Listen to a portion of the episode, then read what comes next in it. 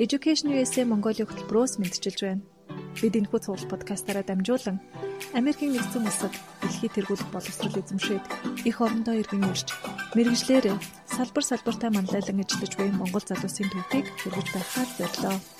Та бүхэн бидний бэлтгэсэн ярилцлагуудыг 7 хоног бүрийн даваа гаргуудад хүлээн авч сонсоорой. Сайн байцгаана уу сонсогчдоо та бүхэндээ энэ өдрийн мэндийг хүргэе. Education USA Mongolia болон Америк төсөгчтэй холбоо масаагаас эрхлэн бэлтгэдэг Америк зуралцсан миний түүх цуврал подкастын маань ээлж дугаар эхлэхэд бэлэн болоод байна. Ингээд энэ удаагийнхаа дугаараар та бүхэндээ 2016 онд Penn State University буюу Penn State их сургуулийг дээд боловсрал мөн олон улсын болон харьцуулах боловсролын чиглэлээр докторийн зэрэг хамгаалсан. За мөн 2001 онд Hubert Humphrey Fellowship-ийн fellowship-ээр мөн Пенсильвани их сургуульд суралцсан. Аа Сүхбаатар ахыгаа зочноор урьж оролцуулаад байгаа байлээ. Ингээд Сүхбаатар ахтай өөрийгөө танилцуулаад подкастаа эхлүүлье. Та бүхний энэ өдрийн амгалан гэрий. За намайг Жавзангийн Сүхбаатар гэдэг. За би бол энэ боловсролын салбарт насаар ажиллаж байгаа хүн. Анх Москвад улсаар дэжхэн дэд сургуулийг төгсөөд тэрнээс хойш их сургуульд олон жил ажиллаж байгаад тэгээ дараа нь яг сургуулийн захирал яамны газрын хэлтсийн дараах митийн ажлуудыг хийж байгаад 2001 онд Hubert Humphrey Fellowship гээд мэрэгжил дэвшүүлэх ийм хөтөлбөрт хамрагдсан. За тэрний дараа жил нь 2000 2 оноос 2006 оны хооронд Америкт 5 жил суралцаж хоёр хөтөлбөр дүүргэж докторийн зэрэг хамгаалсан байгаа. За тэрнээс хойш одоо Монголдо босч ирээд санхүү эдийн засгийн их сургуульд олон жил дэд захирал хийлээ. Монголын мягны сорилтын сангийн мэрэгжлийн боловсролын төслийн захирлаар ажиллаж Америкийн одоо тусламжийн мэрэгжлийн боловсрал сургалтыг боловсронгуй болгох юм 50 сая долларын төслийг хэрэгжүүлсэн. За тэрний дараа буцаад одоо санхүү эдийн засгийн их сургуульд ажиллаж агаад энэ сургуульд зөвлөх профессор ажиллаж байгаа юм хүн байна. Баярлалаа. Энэ удаагийн дугаар бол дан ганц захлах ингийн сурагчдад зориулсан подкаст бол биш. Аний ялангуяа бас Америк дээд боловсрлоор сурах гэж зорж байгаа бас сонсогчдод илүү чиглэсэн подкаст гэдгийг хэлмээр байна. Тэгэхээр Сүхбаатар ах маань Америкт докторийн зэрэг хамгаалсан. За тэгвэл яг одоо Америкт бакалавраас дээш буюу тийм магистр докторийн зэрэг хамгаалахаар бэлдэж буй одоо оюутнуудад сонсогчдод хандаж та яг юу гэж хэлмээр байна? Ер нь Америкт яг бакалавраар сурах За тэгээд доктороор сурах, магистраар сурах яг энэ зэргийн ялгаа яг юу юм бэ? Энэ зэргээр одоо сурах тэр туршлага ялгааг нь та тодруулаад хэлвэл. Миний бодлоор бакалаврын зэрэг эзэмших бол мэдээж хэрэг хүнд одоо чухал хэрэгтэй зүйл. Энэ маань одоо ажил төрөлтэй болно тийм ээ. Одоо сайн мэрэгжилтэн болно гэлэхдээ миний зүгээр хувийн бодол бол бакалавр бол хаана суралц төгснө гэдэг нь нэх ахтар одоо ач холбогдолтой биш. Жинхэнэ ур чадвар сайдаа өндөр одоо мэрэгжил боловсралтай мэрэгжилтэн болъё гэх юм бол магистр докторийн сургалтанд хамрагдах хэрэгтэй. Харин энэ сургалтанд бол хаана сурах вэ гэдэг бол айгүй чухал гэж миний хувьд боддгийн. Америкийн нэгдсэн улс бол өнөөдөр одоо дэлхий дээр боловсролын чанараараа тэргүүлэх байр суурийг эзэлдэг гэдгийг хүн болгон хүлээн зөвшөөрдөг байх. Тэгээд Америкт магистр тэгээ докторийн зэргийг ялангуяа нэр хүндтэй судалгааны их сургуулиудад нь суралцаж төгсөх юм бол үнэхээр чанар сайтай мэрэгжилтэн болно гэдгийг бол ойлгох хэрэгтэй юм. Ер нь бол магистр докторийн төвшөнд сурах бол янз янзын орондоо сурахад янз бүр л байгаа л да. Жишээлбэл одоо Японд сурахад голцоо англи хэл дээр ингээ хичээлүүд үзээд англи хэл дээр тезисээ бичээд хамгаалж байгаа. Одоо Японооч нэг сайн сурч чадахгүй угаасаа тэнд бол нэг хайхтар англи хэлний шаардлагач хайхтар өндөр биш. Учираас харьцангуй гайгүй байж магадгүй. А гэтэл Америкийн нэгдсэн улсад одоо магистрийн төвшөнд ялангуяа докторийн төвшөнд сурна гэдэг бол тэр хүнээс маш их хүч хөдөлмөр шаарддаг. Тухайн мэрэгжлийнхээ суур онолуудыг их сайн авдаг. Тэгээ дээрэс нь нөгөө тодорхой сэдвийнхээ маш гүн рүү нь орж нарийн судалгаа хийх шаардлагатай байдаг. Ийм учраас энэ бас тийм амаргүй зүйл гэж ингэж харж байгаа. Гэхдээ энийг даваад гарна гэдэг бол үнэхээр сайн мэрэгжилтэн болно. Америкт 4 5 мянган ихтэй сургууль байгаа боловч мэдээж хэрэг бас тэн дотор бол чанарын хувьд ялгаатай зүйлүүд байгаа. Одоо шинэ Карнеги англи хэл гэж байдаг. Энийгээр одоо Америкийн их сургуулиудыг судалгааны их сургуульд 1 2 докторийн их сургууль 1 2 тэгээд одоо comprehensive буюу орчин их сургууль гэдэг ингээд нэрлээд явж байгаа л тэрнээс гадна бас янз бүрийн коллежууд байгаа. А яг тэр судалгааны их сургууль 1 2 гэдэгт нь юм уу тэн чи одоо тодорхой хөтөлбөрөөр суралцна гэдэг бол тухайн хүнээс маш их судалгааны ур чадвар эзэмшихийг шаардж байгаа. Одоо эрдэм шинжилгээний бүтээлүүдийг асар олныг уншиж танилцж тэрнийг одоо эвлүүлж нэгтгэж академик пепер болгож бичих тийм ээ. Бичгийн англи хэл жишээлбэл маш их одоо сурах шаардлага шаардлагатай болж байгаа юм тий. Мэдээж хэрэг ямар нэг юмыг хууланд барьна гэдэг ойлголт байхгүй шүү дээ. Тийм учраас одоо энэ зүйлд бол маш их хичээж ажиллах хэрэгтэй болж байгаа. Нөгөө талаас бол шууд одоо бакалаврд өргөчөө тэрнээс магистр доктор суралцсан гэдэг бол жоохон учир дутагт та юм шиг байгаа. Яагаад гэж юм вэхээр эн чинь нөгөө амьдралын практик байх хэрэгтэй, туршлах байх хэрэгтэй. Тэгээ тэр туршлах чинь бол амжилттай сайн суралцах чинь бол хэрэг болдог ийм зүйл байдгийн. Миний хувьд ч гэсэн одоо үндсэндээ би чинь ингээл насаараа л Монголд ажиллаад нэгэн ч одоо гайгүй өдөрт албан тушаалын ажлууд тэр хийж исэн хүн чинь 40 гарсан хойно Америкт очиж суралцсан. Тэгээд энэ маань бол нэг талаас бол хүндрэлтэй бэрхшээлтэй байсан хэдий боловч бас энэ амьдралдаа туулж өнгөрөөсөн ажлын туршлага маань тэр амжилтаа суралцахад бол айгүй чухал хэрэгтэй байсан гэдгийг энд цохон тэмдэглэхийг хүсэж байна. Э, эхлээд мэдээж хэрэг нэг хичээл гихтэл дор хаяж жил 200 хуудасыг унших хэрэгтэй болно, тийм ээ. Нэг хичээл гихчин эхлээд 4 5 хуудас пейпер бичнэ. Улирлын явцад нэг 15 хуудасыг бичнэ. Улирлын эцэст нэг 30-аас 35 хуудас тийм академик пейпер бичнэ. Энийг бичхийн тулд маш их юмыг унших хэрэгтэй болно те. Гэх мэтчлэн пейперуудыг бичихэд тэр чин тэр онлыг нь судлахаас гадна амьдрал дээр ямар туршлага хоригдлуулсан те. Юу одоо өнгөрөөсөн тэр туршлагаа эргэж одоо сэргээж ингэж яах юм бол бичиж байгаа зүйл чинь даачуулагталтай болдог ийм зүйл байгаа юм л да. Тэгээ энэ бол одоо бас сайн болж яасан гэж би хэлхийг хүсэж байгаа. Тэгээ эхэндээ бол өндөр бэрхшээлтэй байсан ч гэсэн цаашлаа сураад ирэх тусмаа за энэ чинь нэр нь болох юм байна Одоо ганц хөтөлбөр дүүргээд яг цаана нэшээ өөр бас нэг хөтөлбөрт ороодхыг гээд урамшаад яваад 3 жил хагасын дотор 90 кредит гэдэг чинь одоо хичнээн их хичээл билээд тийм ээ 30 хичээл үзнэ гэсэн үг шүү дээ. Тэгээ тэрэндээ бол маш их цаг зарцуулж байгаа. За тэгээ тэрний дараа бол одоо хичээлээ дуусгаад судалгааных ажил руу ороод тэгээд судалгаагаа хийгээд диссертацаа бичээд хамгаалаад тэгээд одоо хоёр хөтөлбөр дүүргэсэн дуал тайтл дигри гэж нэрлэж байгаа юм л да. Гэтэ одоо Америкт сурж байгаа улсууд бас нэг зүйлийг анхаарах хэрэгтэй гэж би бодоод байгаа. Энэ яг салбар салбарын одоо доктор гэд байгаа. Боловсролын, хуулийн, бизнесийн доктор гэд байгаа. А тэрнээс гадна тэр салбар салбарын мөртлөө PhD гэж байгаа байхгүй юу? Одоо философийн доктор гэсэн. Монголоор ч дээрхэн үед энэ философи гэдгийг чинь гүн ухаан гэж орчуулдаг байсан шүү дээ. Тэгэхээр өөрөөр хэлбэл би бол одоо дээд боловсролын гүн ухааны доктор тэгээд олон улсын болон харьцуулах боловсролын гүн ухааны доктор буюу тэр PhD гэдгийг нь хамгаалсан нөгөө салбарын доктор нараа биш л дээ. Яг нь нэг шахтрын хөтөлбөрийн хувьд бол ялгаа байхгүй ч гэсэн PhD гэдэг нь болохоор илүү нөгөө судалгаа шинжилгээ тал руугаа онлын суур те одоо тэр тал руугаа байдаг. Монголд болохоор ч өнөөдөр ямар ч салбар ямар ч хүн бай бүгдээрээ адилхан PhD гэдэг ийм одоо зэрэг хамгаалаад байгаа юм. Тэгээ энэ бол бас ялгаатай зүйл байдгийн шүү гэдгийг бас энд хэлье гэж бодож байгаа тийм. Жишээлбэл одоо Монголд ингээл докторийн диссертац бичлээ гэхэд диссертацт нь 6 кредит ч юм уу 10 хэдэн кредит гэдэг өгдөг байхгүй? Гэтэл Америкт бол диссертац бичихэд бол ямар ч кредит тооцохгүй. Хичээл бол зөвхөн одоо академик үзсэн хичээлүүдээр л кредитээ тооцоолох хэрэгтэй. Тийм байна. Тэгэхээр та бол боловсролын салбарт бол маш олон жил ажилласан. Дээрээс нь энэ чиглэлээр бүхэл бүтэн хоёр хөтөлбөрийг дүүргээ докторийн зэрэг хамгаалсан. Та яг одоо мэрэгжлийн хүний үүднээс ингээ харах юм бол Америкийн боловсролын системийг түүхийг нь те товчхон танилцуулаа. Дээрээс нь Америкийн боловсролын систем бусад орны боловсролын системээс яг юугаараа ялгаатай. Одоо үед бол залуучууд ингээл Америкийн боловсролыг эзэмшихээр маш их цаг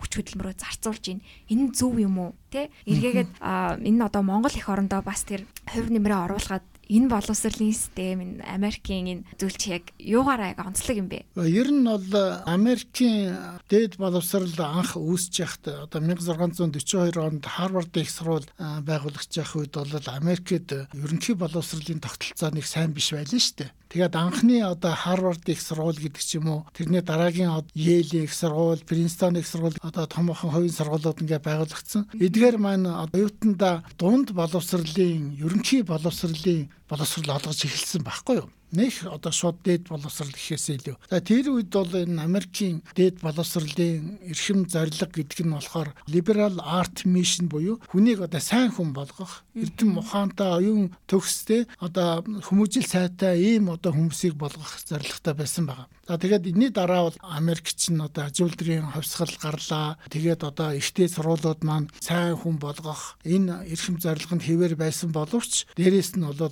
ажил мэргэжил эзэмшүүлэх тал руу анхаарч ирсэн. Онлын хоосон мэдлэг биш практик амьдралтай холбоотой практик асуудлыг шийдэх чадвартай тийм мэрэгжилтнүүдийг бэлтгэхэд бол чигдэж ирсэн байна. Энийг бол тэр vocational буюу одоо мэрэгжлийн эрхэм зорилго гэж нэрлэж байгаа юм л да.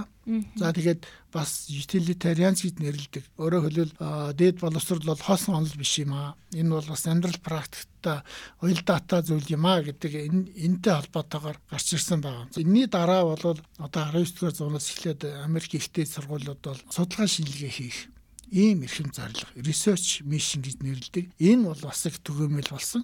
За тэгээд энэ гурван эрхэм зарлага бол гуруулаа одоо ч гэсэн уялдаатай явж байгаа. Америкийн их сургуулиуд анх байгуулагдахдаа ер нь бол тэр Германы дээд боловсрол их сургуулийн тэндээс бол тодорхой зарчмуудыг авсан байна. Жишээлбэл тэр нь бол юу вэ нөхөр багш бол одоо эрдмийн эрхчлээ эдэлж юу заах юм, яаж заах юм, хизээ заах юм, хинт заах юм энийг бол багш идэх хэвээр. Оюутан болоод юу сурах юм, хаан сурах юм, хизээ сурах юм, яаж сурах юм энийг одоо бас ийм эрхчлээ эдлэх ёстой гэдэг ийм суур зарчмуудыг бол эдгээр авсан байна.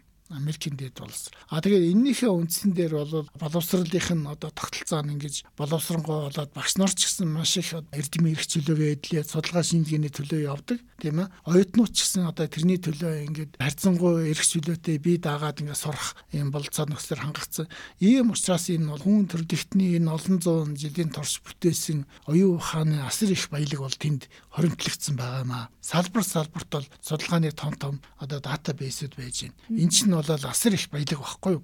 Энийг бол шинээр бүтээдэггүй. Эн чинь маш олон зууны турш судалгаа шинжилгээ хийж ээж бүтээж байгаа. Энэ одоо баялаг эрдэм мэдлийн асар их баялаг дээр үндэслэж явж байгаа энэ сургалт бол яг чаргагүй шилдэг сайн сургалт байхаас өөр аргагүй юм л да. А та сая өмнө нь хэллээ докторийн зэрэгт сурж байхад бол маш их тийм академик пейперүүд бичдэг. Академик англи хэл маш сайн байх хэвээр. А тэгвэл яг энэ чиглэлээр сурахаар одоо төлөвлөж байгаа оюутнууд байх юм болоод академик англи хэлээ. Эртнээс бэлдсэн байж байгаад очиод сурах уу? Эсвэл энэ академик англи хэл гэдэг энэ чадвар чинь очсон хойноо одоо ингээд маш олон пейперүүд бичээд ингээд тууштай явж байгаа тэгж ааж маажмаар ахиж дээшилдэг зүйлөө. Яг энэ бол хамгийн гол нь хүний нөгөө оюун ухааны потенциалыг их сайн ашиглах хэрэгтэй байгаа академик пепер бичнэ гэд яриад байгаа чинь зүгээр л одоо нэг баха олон биччихэл уншичаал ингээд нийлүүлээд бичих биш тэр чинь оюун ухаанд маш их тунгааж бодох хэрэгтэй. Маш олон зүйлийг интеграц хийх хэрэгтэй. Энэ дотроос чи одоо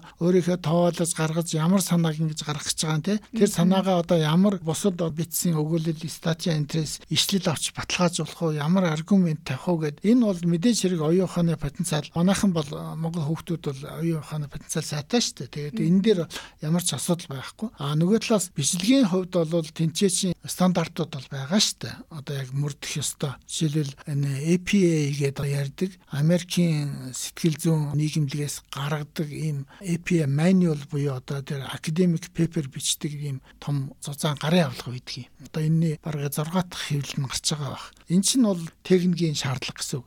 Энийг бол мэдээж хэрэг хангах хэрэгтэй. Хамгийн гол нь бол өөрөө хүн пепер дотроо юу оруулж ямар санаа төвшүүлж яаж бичих гээд байгаа юм те. Эн чинь бол цэвэр өөрийн чинь одоо оюун ухаан толгооноос хамаарах. Тэгээд одоо үндсэн уншсан юмыгаа нэгтгэж синтез хийж ингэж боловсруулж чадж байгаа. Энэ л одоо чадвартай холбоотой юм л да. Тэгээ ер нь бол яг хуу энэ амьдрал дээр бол хүмүүс англи хэлийг сайн сурчлаа мундаг. Тэгээ дуудлага муудлага саятай залуу хүүхдүүд энэ төр бол ерөөсө дорхноо тэр ярианы хэлийг бол сурчна Тэр ямар ч одоо ялгахдахгүйгээр.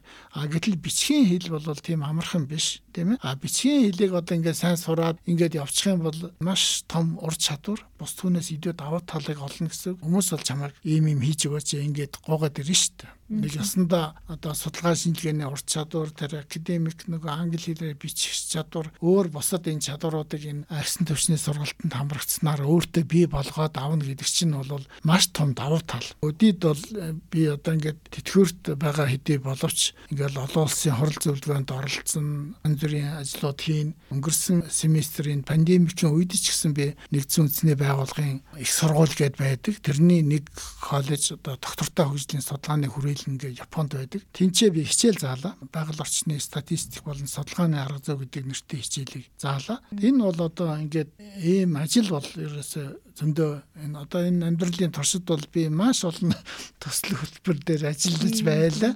Тэгээд эн чинь бол одоо тайлангийн бичих тэр юм төлөвлөх бодох энэ бүхэл юм ингээ хийж сурчна гэдэг чинь бол ерөөсөө хинээс ч хамаарахгүйгээр чи бол одоо амьдрал аваад явах бүрэн боломжтой болноо тий ямар нэгэн ажил олгогч дээр л одоо ингээл насаараа тэнд ажиллах гэж зүтгээд байх биш харьцангуй эрх чөлөөтэй харьцангуй одоо юу хүснийгээ хийх ийм боломж бол бүрднэ гэж хэлмээр байгаа. Энэ залуучууд бол одоо би хандаж хэлэхэд бол ингэж одоо энэ судалгаа шинжилгээний ур чадвар, хэлний чадвар, бичгийн хэл энэ бүх юмыгаа сайжруулах юм бол их сайн мэрэгжилтэн болноо. Тэгээд танд бол их боломжууд гарнаа л гэж хэлмээр байгаа юм л да. Тэгэхээр яг энэ сэдвийн хүрээнд бол гарын авлага сайн уншаад за тодорхой бас ментортэй багшаар зөвлөхөө аваад багшаараа одоо юу фидбек гэж хэлдэг штеп. Бид нар эрдэм шинжилгээний ажил биччихэд одоо үнэлгээ өгүүлэхээр багштай өгдөг. Дээрээс нь бас яг тухайн орчинд нь очиод профессор хүмүүсээс бас одоо фидбек аваад эсээгээ одоо эрдэм шинжилгээний ажлаа сайжруулах юм бол бас илүү академик англи хэл дээр бол сайжрах бүрэн боломжтой байдаг. Таны хувьд яг ингээд Америкт очихоос өмнө англи хэлний мэдлэг за тэгээд яг ингээд суралцж байгаа хавцтай англи хэлний мэдлэг ер нь хэр агсан бэ? Дээрээс нь яг энэ англи хэлний дээр яг академик англи хэл гэсэн тэр чадварт суралцахын тулд ямар бэрхшээлүүд гарч исэн тэрийгээ яг та яаж давж исэн? Ер нь Америкт тийм профессоруд ер нь тантай хэр их хамтарч ажилладаг байсан бэ? Америкт бол профессорууд ч маш их энгийн хүмүүс байдгийн шүү дээ. Одоо жишээлбэл миний удирдахч би хоёр удирдахчтай хоёр хөтөлбөрт сурж ирсэн болохоор одоо нэг удирдахч маань надаас бараг залуу хүн байсан. Жишээлбэл тийм ээ. Тэгээ маш энгийн харьцаатай. Тэгээ хүн бол өөрөө юм ал хийх ёстой. Түүнээс бол одоо тэр удирдахчтай ч гэсэн одоо нэг хайхтар байн байн уулзаад яж чадахгүй шүү дээ. Бид нар чинь бол завгүй дандаа ажилтаа ийм болсод байж байгаа. За тэгээд хүн өөрөө л одоо хичээх ёстой л хэр их хэмжээний номын санд маш их суугаад асар их одоо мэдээлэл олж аваад тэрийгэ системчлээд тэн дээрээ ажиллаад тий алийг авах алийг авахгүй вэ гэдгээ яагаад тэгээд одоо бичихтэй хамгийн гол нь бол хүнд одоо ямар санаа хэлэх гээд байгаа тэр мессеж гэж ярьдаг шүү дээ. Тэр гол санаагаа айгүй тод томроо гаргаж өгөх хэрэгтэй байна. Нэх мундаг гоё тэр болгон хэрэглэгддэггүй тийм нэр томьёо өг мөг хэрэглэх энтертэй гол биш. Айхтар хүн уншаад бараг ойлгохооргүй тийм урт урт өгүүлэр зохиохтой гол нь ш тийм ээ. Хамгийн гол нь бол хүнд хийх гэж байгаа санаагаа маш тод томруу үндэслэлтэй, суурьтай, баримттай, нотлохотой ийм маягаар одоо санаагаа гаргаж ирнэ гэдэг чинь л гол нь байгаа шүү дээ. Тэгээ ингээл зурн түүнээс бол нөх ахтар бэлтгэл хийгээд исэн байхгүй. Би яг зөвөр Америк явахаас өмнө бол Голландын мастрихтын менежментийн сургуулийн Монголд хэрэгжүүлсэн бизнесийн удирдлагын магистрийн хөтөлбөрт суралцж магистрийн зэрэг хамгаалсан байсан л да. Тэгээ тэр бол яг багш нар ирээд нэг 7 хоног хичээл заагаад бахан даалгавар өгчөө явдаг. Тэгээ даалгавраа бид нар дараа нь одоо хийж явуулдаг байсан. Гэхдээ бол би яг хаа амьдралын турш бас нэлээд олон төслийн хөтөлбөр дээр ингээ орж ажиллаж исэн болохоор англи хэлтэй хүмүүстэй харьцах тэгээ англи хэлд юм унших, бичих иймэрхүү ажлууд бол хийдгэл байсан мэдээж хэрэг одоо өндөр түвшинд хийж чадахгүй байсан байх л да. Илээ ихтэй эдгээр чинь л одоо өөрийн чинь бэлтгэл болно шүү дээ. Түүнээс бол над бол тусгаалan тэр Америкт сурна гээл нэх бэлдээл нэг хайхтар тэгсэн юм бол баг байхгүй. Зүгээр яг хуу тэр үед нэг TOEFL-ийн шалгалт хий заавал өгөх ёстой. Тэрийг өгсөн тэгээд тэр маань бас нэг гайгүй нэг тэр үед чинь нөгөө компьютер based биш те. Paper ингээ бичгээр өгдөг байсан нэг 560 жил оноо ямар ч бас нэг Америкт анхан шатны сургалтанд аврагдах боломж боломжтой тийм л төвшөнд бол байсан юм шиг байлаа. Тэгээд яг зүгээр Америкт эхлээд тэр олон жил сурж байхад бол багш нар хаяа нэг оюутнуудтай ярихаас биш нэг олон хүнтэй байн харьцаад байхгүй учраас би одоо англи хэлнийхээ чадвар маань ер нь их сайн дээшлэхгүй байна уу да гэж ингэж би боддог байсан. Тийм ээ. А гэхдээ бол мэдээж хэрэг маш их зүйлийг уншин, бичин тэ тэр нөгөө академик англи хэл гэж яриад байгаа энэ зүйлүүд чинь бол цаанаа олон хүнд одоо мэдээж хэрэг их гүнзгий мэдлэг олж авч исэн юм байна лээ. Тэрийг бол сүүл анхаарахад бол гайгүй юм сурсан байна гэж бодохоор байгаа байхгүй юу. Түүнээс бол нэг хэл бас оцсон ханаа гинтхэн мундаг болно гэж одоо байхгүй шүү дээ. Одоо ч гэсэн одоо англиар бичихэд бол үгүйсгийн зарим нэг алдаа гаргах ч юм уу тиймэрхүү бол байх шүү дээ. Тэр чинь бол энд ч байж болох асуудал гэж би харж байгаа.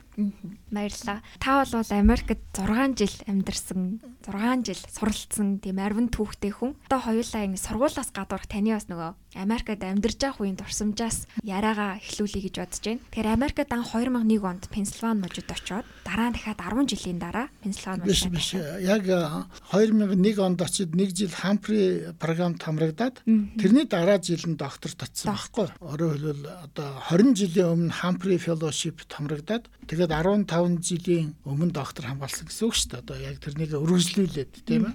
Тэгээ энийг бол зүгээр яг хэлэхэд Хамприд очоод эн чинь бол нэг жилийн хуцаатай тийм зэрэг мэрэг авдаггүй мэрэгжил дэвшлүүлэх ийм хөтөлбөр шүү дээ. Одоо Хуберт Хампри гэдэг сенатор хүн байсан. Энэ хүн олон улсын хамтын ажиллагаа хөгжүүлье гэд энэ хэлбэрийг санаачлаад тэр 1960-аад оноос хойш ингээд явж байгаа хөтөлбөр. Ч бол янз бүрийн орны нэлээд одоо карьерийнхаа дунд байж байгаа ийм хүмүүст зориулсан хөтөлбөр байдаг. Энд ингээд суралцах явцад одоо жишээлбэл нэг хоёр хичээлийг та үзэж болно. Зүгээр суугаад ингээд гарадаад байж болно. Эсвэл жинхэнэ одоо кредитийг нь авахаар ингээ үзэж болно гэсэн байхгүй юу.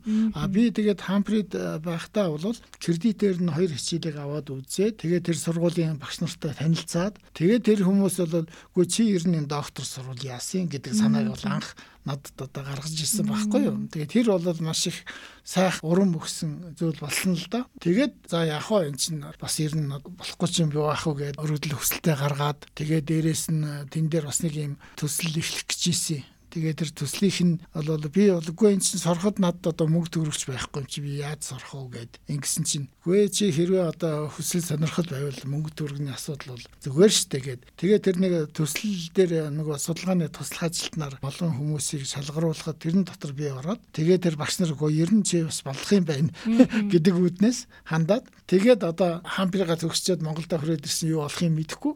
Ямар ч өргөдөл хүсэлтэд гаргацсан байсан. А гэтэл намар оджил эхлээд бараг сар болох гэж яхад гинтхэн Америкаас нөгөө сургуулиас маань бичиг хүрээд ирсэн. За одоо таны судалгааны туслах ажилтнаар ажиллах юм чи бүтчлээ. Мөнгө төгрөг чинь болчлоо. За одоо хичээл дээр сураа гэд. Тэгээд одоо явж исэн байхгүй. Тэгээд одоо үндсэндээ би 5 жил Америкт хоёр хөтөлбөр дүүргээд сурахад үндсэндээ надаас нэг төгрөг гарахгүйгээр 200 мянга орчим доллар тэр үеийн ханшаар шүү дээ. Надад бол Америк зарцуулсан байж тээ. Миний боловсрал. Тэгээд би одоо төгсчирчээд ингээд ажиллаж байгаа одоо би нэг ясандаа Америкт өртөө. Америк артамд өртөө. Засгийн газарт нь өртөө. Мэдээж хэрэг тэр бол зүгээр судалгааны төсөл байсан учраас боловсролын департаментийн санхүүжилт биш л дээ. А гэлээ ихтэй би 5 жил тэнцээ чинь одоо сураад тийм сургалтын төлбөрөө төлүүлээд судалгаа шинжилгээний туслах ажилтнаар ажиллаа. Тэгээд тэрнийхээ төлөө би бас одоо цалин аваад ингээ ажиллаж байгаа шүү дээ 7 хоногт 20 цаг ажиллаад. Тийм учраас эргэж ирээд би ажиллаж байгаа. За Америкт би өөрөө төлөх ёстой гэд. Тэгээд мөрний саралтын сангийн тэр мэрэгжлийн боловсролын төсөл эхлэхэд нь би өргөдлөх хүсэлтэд гаргаж агаад тэр төслийн захирлаар томилогдоод тэгээд тэр 3 жил гаруй ажиллаа тэр төслийг маш амжилттай хэрэгжүүлсэн. 50 сая долларын төсөл байсан. Тэгээ одоо эндээ бол би бас нэг ёсондоо өөрөө төлсөн гэж ингэж дотроо бодож явдаг байхгүй юу. Өөрөлдөл Монголынхон боловсролын салбарт бол маш том үнэтэй. Энэ чинь бол мэдээж хэрэг Монголд бас маш хэрэгтэй. Нөгөө талаас энэ чинь Америкийн татвар төлөгчийн мөнгөөр буцалтгөө тусламжаар одоо мэрэгжлийн боловсролд хийсэн хамгийн том одоо өөрчлөлт шинжилгээний төсөл байсан шүү дээ. Мөнгөний сарлтын цагийн төсөл бол Яриагаа цаашаа өргөжлүүлээ. Та яг сурахынхаа хажуугаар Америкт яг ямар гоё дурсамжийг үлдээж чадсан бэ? Америкт бол их сайхан л доо. Ер нь бол их сайхан байсан. Мэдээж хэрэг сурахтаа хамаг цагаа зарцуулах хэвээр. За тэрнээс гадна хаашаа чи яваад юу ч үзсэн чөлөөтэй. Пенсильвани, Мужийн төвд нь одоо нийслэл нь Харрисбург гэдэг хот байдгийн. Тэр Харрисбургаас нэг холгүй нэг 90 майлын зайтай нэг 130 40 км-ийн зайтай State College гэж жижигхэн хот байдаг. Тэр State College гэдэг хотод бол энэ Пенсильвани улсын их сургуулийн төв кампус нь байдаг байхгүй юу. Тэгээ энэ бол үндсэндээ одоо Америкийн хамгийн том 10 сургуулийн нэг гэж тооцогддог. Тухайн үед намайг сурж байхад 80 мянган оюутантай байсан. Одоо бараг 100 мянга болоо байлгүй. Ийм том сургууль л да. За тэгээд энэ сургууль сурж явах явцдаа энэ чинь жижигхэн машинтай болчихно. Тэгэл бол хаашаа л бол хаашаа сүлээтэй явна. Нью-Йорк.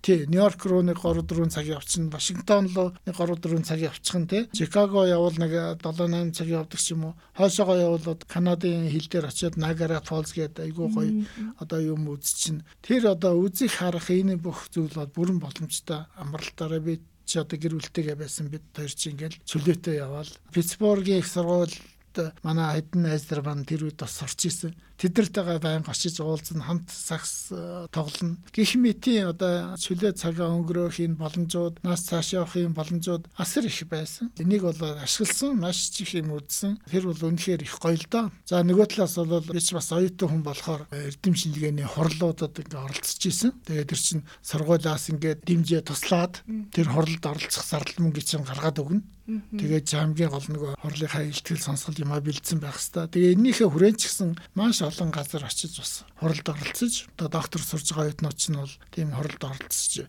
одоо илтгэл сонсгол тавьж байгаа нь бол өрдөнтэй байдаг шүү дээ. Тийм юмнууд бол хийж исэн. За тэгээд тэнд сурж исэн найз нөхдүүд энтергээд хүмүүс бол байна. Одоо хүртэл бид нар холбоотой энэ тэнд ажилладаг ийм улсууд байгаа. Америкт сурах чинь бол зүгээр одоо сураад мэдлэгээ эзэмшээд эрдэмийнхээ зэрэг цалыг авахаасаа гадна бол одоо хүмүүстэй харилцаа холбоо их тогтоож байгаа. Тэр бол айгүй чухал үн цэнтэй зүйл гэж харж байгаа. Миний тэр би ч одоо дээд боловсрлаас гадна тэр олон улсын болон харьцуулах боловсрлын нийгэмлэг гэж байгаа шүү дээ. А тэрний чинь бас хөтөлбөрийг дүүргэсэн учраас тэр чиглэлээр CIS гэд нэрлэж байгаа тэр Comparative International Education Society гэдэг энэ бол жил болгон эрдэм шинжилгээний хурал хийдэг. Тэр хурал нь бол дэлхийн хаач болж болно. Яг голцоо Америк болж байгаа. Энэ хурлууд одоо сүүлийн би лав нэг 10 хэдэн жил тасралтгүй оролцож байгаа. Судалгааны ажил хийгээ тэрнийхээ илтгэлийг тавьж хилцүүлээд за яг хөө тэр зардал мөнгөний асуудал бол бас л яаж хийж байгаа шийдэгдэл байгаа. Түүнээс бол би нэг одоо өөрийнхөө мөнгийг гаргаал тэр болгон том том хурлууд очиж чадахгүй шүү дээ. 19 онд гэх чинь тэр харьцуулах боловсролын нийгэмлэгийн дэлхийн конгресс гээд тэрний том хурл Мексикийн Канкунд боллоо. Тэнд одоо оролцлоо, ихтгэл сонсгол тавилаа. За тэгээд Америкт болж байгаа хорлоод болсон дээл одоо оролцож байлаа. Тийм боломжууд бол их гарч иж байгаа. Тий. Бас нэг жишээ хэлэхэд энэ ЮНЕСКОгийн чиглэлээр нэг 10 орныг хамарсан юм судалгаа энэ 2012-аас 2015 оны хооронд явагдсан. Тэр судалгаанд би Монголыгаа төлөөлөөд одоо оролцоод судалгаанууд хийгдсэн. 3 жил 3 үе шаттай тэгээд тайлангууд нь гарсан байгаа одоо ЮНЕСКОгийн вебсайтн дээр бол байж л байгаа. Тэгээд ийм юмнууд чинь оролцох одоо энэ боломжууд бид нар чинь бол мэдээж хэрэг тэр Америкт суралцж бас найз нөхдөөдтэй болж тэр мэрэгжлийн холбоодын үйл ажиллагаанд ингээд зохимжээр оролцож байсны л одоо өрдөн шүү дээ. За хоёулангийнх нь яриа өндөрлөх тийшээгээ хандж байгаа хугацаа богиноогоо учраас тэгээд яриагийнхаа төгсгөл хэсгээр танаас одоо яг залуучуудаа яг манай сонсогчийг төлхөө нөгөө ахлах ангийн 10 жилийн Америк зурхаар төлөвлөж байгаа тийм сурагчид сонсдог учраас сүүлийнхаа бас энэ хормыг яг тэдгээр сурагчдад зориулаад та өөрийнхөө зүгээс зөвлөхөө өгвөл юун дээр вэ гэхээр одоо яг энэ Америкт суралцахын тулд юун дээр илүү их анхаарах хэрэгтэй юм бэ? Одоо яг бэлтэж байгаа хүүхдүүд байх юм бол ер нь бол одоо Америкч байна уу хаанч байна уу хамгийн сайн боловсрол эзэмших нь бол хүн болгоны л одоо хүсэл сонирхол байгаа. Тэгээд энэний төлөө мөнгө төгрөг энэ төр юм хэрэгтэй л байх. За мөнгөгүйч байлаа гэсэн бас боломж байгаа шүү. Тэ өөрөөсөө бол чармах хэрэгтэй, өөрийгөө их сайн дайчлах хэрэгтэй, ажиллах хэрэгтэй тийм ээ. Аа ажиллаад ингээд өөрийгөө зохих төвшөнд бэлдээд ингээд ирэхээр чинь одоо боломжууд бол гарч ирнэ. Тэрийг бол ашиглах хэрэгтэй гэж одоо эхний ээлжинд хэлмээр байгаа. За хоёрдугаарт нь бол эрдэм мэдлэгийг бол ямар зорилгоор сурах гэдэг юм тий өөрөө ирээдүйд ямар хүн болох гэж байгаа? Улс төрч болох уу эдийн засагч болох уу багш боловсролын ажилтан болох уу эмч мэрэгжилтэн болох уу тийм ээ? Энэ мэдээж хэрэг шийдэх асуудал байгаа. Тэрний дээр бол би юу гэж хэлэх гэж нөхөр би бол үндсэндээ нэг тийм захиргааны ажилтан гэхээс илүү эрдэм шинжилгээ судалгааны ажилд багасаа ч сонирхолтой байсан. Аа тэгээд энэ тал руугаа бол явцсан л да. Одоо би чи яамд бас дээрх үед л да өдрийн яамны газар хэлцгийн дараагаар хүртэл ажиллаж байлаа л да. Тэгэхдээ ер нь бол дэмжлэгээ судалгааны ажил сонирхолтой учраас тэгээ боловсрал талаагаа бариад явцсан ба. За ингээд явцсан үед бол чамд өөрч нь бол их л их сайхан боломжууд бол гарч иж байгаа. Хамгийн наад захын жишээлгээд хэлэхэд одоо би энэ чиглэлээр явсан тулд олон улсын болон энэ Монголд хэрэгж байгаа 20 30-аад төслийн хөтөлбөрт орж ажиллаа. Үндсэн ажлынхаа хажуугаар. Тийм ээ. Аа за дэлхийн нэг 40 гаруй оронд очиж Монголынхаа боловсролын асуудлаар ихтгэл сонсгол тавилаа хурал семинарт оролцлоо, сургалтанд хамрагдлаа. Тэгээ тэр болгон ийм боломж хүнд олдохгүй шүү дээ. Тэгээ олон улсын хэмжээнд бас фонд дөрөв удаа очиж зочин профессороор ажиллаа. Сая одоо энэ хичээл заалаа. Бүтэн семестрийн одоо Монголоос онлайнаар 10 хэдэн одоо мастер докторийн оюутнууд дэлхийд дээр зарцсан байгаа хүмүүст хичээл заана гэдэг чинь бас их сонирхолтой юм байлээ. Одоо ийм ийм сайхан боломжууд бол гарнаа. Энийний тулд бол одоо залуучууд маань өөрсдөө их дайчлаараа, өөрсдөө их зоригтой байгаараа хүндрэл бэрхшээл юм ерөөсөө бууж өгч болохгүй. Хүндрэл бэрхшээл одоо сорилт гэж яриад байгаа энэ чаленж гэдэг. Энийг бол заавал давж явах хэрэгтэй маа. Энийг хэр зэрэг давж чад чаднаа гэдэг чинь тэр дараагийн одоо сорилтыг давах одоо суурь чинь тавигдана хүн бол амьдралдаа ийм толгорч байгаа сорилтуудыг давсаар байж л олон өсөж хөгжинө. Боож өгөөд байвал одоо өсөлт хөгжил чинь зогсноо л гэж одоо хэлмээр байгаа. Тийм учраас ямар ч жижиг сажигч бай энэ бүх зүйлд бол одоо шантарч болохгүй л сайн ажиллаж сайн хөдөлмөрлөж өөрийгөө дайчлах юм бол цаанаас ч одоо ген оюун ухааны потенциал ч байгаа. А дээр нь бол сайн одоо ажиллах хэвээр хөдөлмөр гаргах хэвээр хичээл зүтгэл гаргах хэвээр гэж хэлмээр байгаа. А тэгж чадвал мэдээж хэрэг эн чинь хинч чамайг хүлэн зөвшөөрнө. А нөгөө талаас энэ боловсрал гэдэг зүйлийг нэг тийм ихийн мэдээд ихийн сурчгаа тэрийг одоо нэг тийм онлайн төвшөнд биш Америкийн боловсролын нэг мундаг сайн давуу тал нь болохоор энэ чинь айгүй тийм прагматик боловсрал байхгүй. Өөрөөр хэлбэл тэнд үдсэн сурсан зүйл чинь эргээд амьдрал практик тэрэг болно. Иргэн тойрон байгаа асуудлыг шийдэхэд хэрэгтэй. А энийг бол одоо хэрэгжүүлэх хэрэгтэй байна. За миний хувьд бол Америкт сурж ирчгээд Америкт сурахаас өмнө ч гэсэн бүлийнхаа боловсролд бас одоо энэ зах зээлийн коллежийн захирлаар ажиллаж байлаа. Эдийн засгийн сургуулиудын консорциумын захирлаар ажиллаж байлаа. Их мэт ийм ажлууд хийж исэн боловч төгсөөд ирснээс хойш хийсэн бүтээснийг эргээд харахад бол маш их зүйлийг хийцэн байна маш олон одоо төсөл хөтөлбөр дээр ажиллаа. Одоо дөнгөж өнгөрсөн хавар ихтэл боловсролын яамны захиалгаар дээд боловсролын санхүүжилтийг боловсронгуйлгах, боловсролын зээлийн сангийн үйл ажиллагаа өрчлөлийг сайжруулах ийм саналуудыг босруулж өглөө. За тэгээд одоо өөр бусад олон мэрэгжлийн боловсролын тал дээр энэ Европын холбооны санхүүжилттэй түншил суурилсан мэрэгжлийн боловсрол гэх төсөл байна тэрэн дээр би бас ажиллаж байгаа. Мэргэжлийн боловсон сургалтын санхүүжилтийг боловсронгуйлах талын ийм ажлуудыг бол хийж байгаа. Тэгээд хийж бүтээх бол асар их ажил байна. Энд өөрийгөө их сайн бэлтгэж дайчилж чадвал эн чинь одоо эргээд хүн бол хийсэн бүтээсэн үр дүнд хүргэсэн юмнасаа сэтгэл ханамж авдаг. Энэ бол амьдралын утга учир гэж одоо би хөвдөө бодож байгаа. Тэгээ залуучууд минь тэгэхээр энэ одоо насанд ч олж байгаа нэг ёсондоо энэ богинохан амьдралыг өр дүнтэй сэтгэл ханамжтай сайн сайхан амьдарч явах хэрэгтэй шүү тийм ээ. Өөрийгөө хөгжүүлээрэ. Хүн бүх хүн бол бүгд адилхан аав ээжээс төрснөөс бол өндөр нам нарийн бүдүүн эрэгтэй эмэгтэй гэдэг чинь ерөөсөө ялгаа биш. Хамгийн гол нь хүмүүсийн юугаар нь ялахгүй хэр зэрэг эрдэн боловсралтай байна уу? Хэр зэрэг одоо хөгжсөн мэдлэг чадвартай хүн байр. Энэ чинь л одоо хамгийн үнцэнтэй зүйл шүү гэж л одоо хэлмээр байгаа.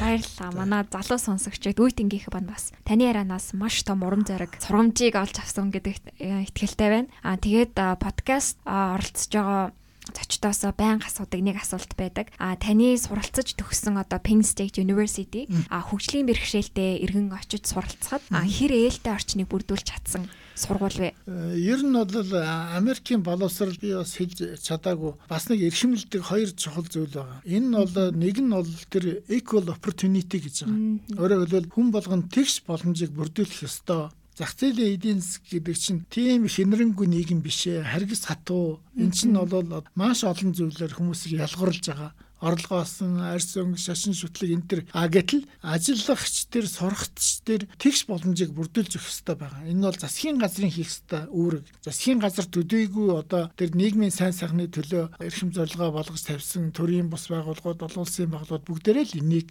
бүрдүүлж байгаа. Тэгэхээр тэр equal opportunity буюу тэгш боломжийг болол бүрдүүл чаддаг газар бол Америк гэж би харж байгаа. Тэгээ энд тэгэхээр чи ямар ч бай хөгжлийн бэрхшээлтэй ч бай мөнгө төрөггүй ч бай ямар одоо шашин шүтдэгч бай хамаагүй чамд боломж олдноо. Энэ бол одоо нэгдүгээр зарчим. Америкийн боловсралч төр хөлмөр эрхлэлт ч гэсэн энийг бол баримталж байгаа. Хоёр дахь нэг асуудал бол юу гэдэг вөхөр diversity буюу одоо олон янз төрлийг гэж байгаа. Хүний одоо шаар цагаан хаар байх нь ерөөсөө хамаагүй бүдүүн нарийн туранхай энэ төр байх нь ерөөсөө хамаагүй хүн маш одоо олон янз байна. Энийг бол хүлээн зөвшөөрнө. Бүхэн адилхан байх ёстой биш ээ өөр өөрөөр сэтгэн өөрөөр бодолтой өөрөөр амьдралын хэв маягтай өөрөөр сонирхолтой байна. Энийг бол хүлээн зөвшөөрөх ёстой. А тэгэхээр эний чинь одоо жишээлбэл одоо яагаад энэ хөгжиж байгаа ядуу янз янзын орноос ингээ оюутнуудыг элсүүлээд инүүхээр тэр тэр оюутныхаа дунд тэр diversity гэдэг олон янз төрөл байх юмыг бүрдүүлэх гээд нь шүү дээ. Тийм ээ.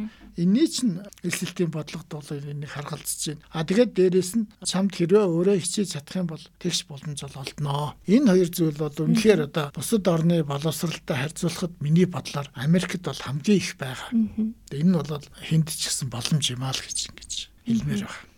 За баярлалаа. Танаас асуух зүйл, мэдэх зүйл, сонсох зүйл маш их байгаа. А харамсалтай нь бас манай нөгөө подкастын хугацаа маш богино учраас ингээд энэ хүрээд подкаста өндөрлөж байна. Та бол одоо яг манай подкастт өргөдөж ирсэн зочдоос бол нөгөө докторийн зэрэг хамгаалсан. За дээрээс нь Америкийн дээд боловсролын ялгааг танилцуулж байгаа анхны зочдын нэг. Дээрээс нь маш ариун туршлагатай туршлагаасаас бидэнд хуваалцж байгаа хүндэт зочдын нэг байлаа. Тэгээ бидний урилгыг хүлээж авч ирсэн танд маш их баярлалаа. Өөрийн ажлын боловсролын тийм Дээрэс нь манай сонсогчдод хандаж бас маш үнэтэй, сургамжтай, үнэтэй зөвлөгөө өгсөн танд маш их баярлалаа гэж хэлээ. Таны цаашдаа ажилд өндөр амжилтыг хүсье. За их баярлалаа. Тэгээд энэ одоо сонсогчтой хандаж хэлэхэд та бүхэн мэдээж хэрэг одоо боломжтой бол хаач гэсэн бол усрал эзэмшээд тэгээд хамгийн гол нь эргэж ирээд энэ ус орноо хөгжүүлэхэд их зориулах хэрэгтэй байлээ шүү. Тэр бол хүн болгоны хийх хэрэгтэй ажиллаа гэж ингэж харж байгаа. Аа тэгээд боломж бол байгаа шүү. Битээ шантраараа сайн ажиллаараа сайн хүн байх хэрэгтэй шүү. Гол нь. За баярлалаа. За баярлалаа. Америкийн нэгдсэн улсын засгийн газраас санхүүжүүлдэг Education USA Mongolia хөтөлбөрийн хэрэгжүүлэгчээр Монгол дахь Америк төгсөгчдийн холбоо ажиллаж байна. Та Америкт ихтэй сургалт хэрхэн суралцах тухай цогц үнэн зөв мэдээллийг үн төлбөргүй авахыг хүсвэл Education USA Mongolia хөтөлбөрийн боловсролын зөвлөгөөдөд хандаарай. Бидэнтэй холбогдох хүсвэл www.masa.org цэгийн цахим хуудасаар хандж болохоос гадна Facebook, Twitter, Instagram дээр Education USA Mongolia-г дагаарай. Ирэх даваа гарагт иргэн уулзлаа түр баяртай.